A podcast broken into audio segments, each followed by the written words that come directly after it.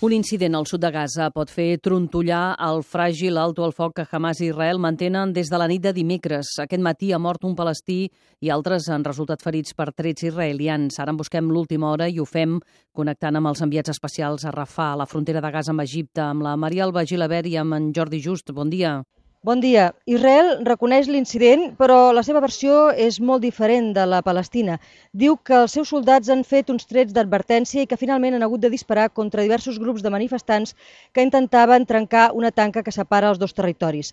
Ha parlat d'uns 300 palestins que s'han acostat a diferents punts del sud de la franja intentant aquesta agressió. El resultat ha estat un mort i 25 ferits, però, com dèiem, la versió palestina és molt diferent.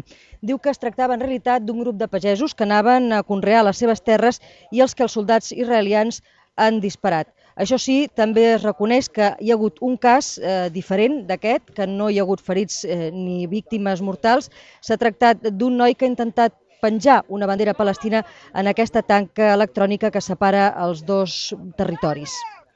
I tant l'autoritat palestina com Hamas ja culpen obertament Israel de la ruptura d'una treva que ha servit per unir les diferents faccions palestines, a diferència dels israelians, que es mostren dividits en aquesta crisi. Anem a Jerusalem, Anna Garcia. Bon dia. Bon dia.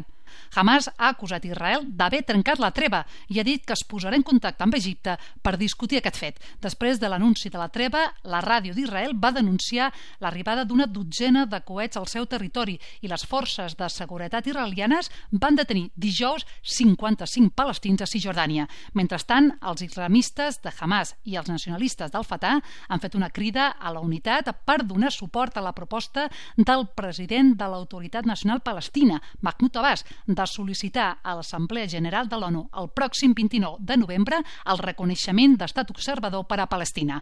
Els Estats Units, segons publiquen avui diferents diaris israelians, podrien estar pressionant Israel perquè aturés l'expansió dels assentaments a Jerusalem Est.